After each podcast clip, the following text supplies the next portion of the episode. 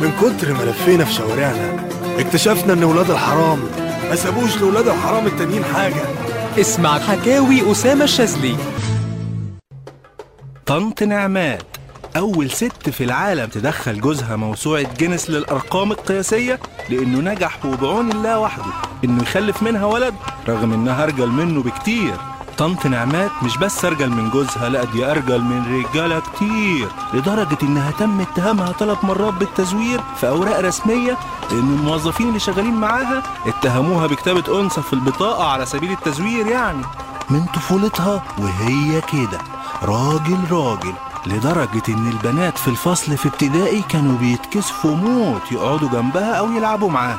خاصة وهي كابتن فريق الكورة بتاع فصلها. أما بقى في الجامعة فالكل كان مستنيها تتخرج بفارغ الصبر وتخش الجيش. يمكن يعرف يهدي طبعها شوية. بس للأسف للأسف طنط نعمات كانت وحيدة فملهاش جيش. أمها وأبوها طبعا يأسوا إنها تتجوز ولا يتقدم لها بنت الحلال. قصدي ابن الحلال وماتوا من القهرة.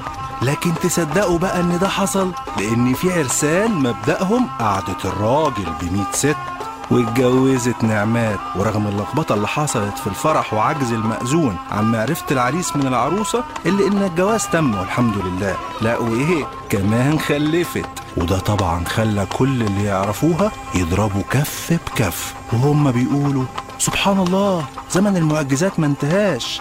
طنط نعمات رغم ده كله. ما تخلاش من لمحة أنوثة بس بتعتبر ده سر من أعظم أسرارها. وما بتجيبش سيرته لأي حد ولا حتى أبوها وأمها قبل ما يموتوا.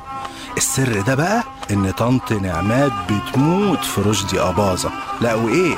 بتعتبره كمان مثلها الأعلى في الحياة لدرجة إنها حاولت تربي شنبها زيه قبل كده مرتين وما عرفتش. طنط نعمات يا جماعة. راجل راجل تقدروا تعتمدوا عليها في أي وقت وتحطوا في بطنكم بطيخة صيفي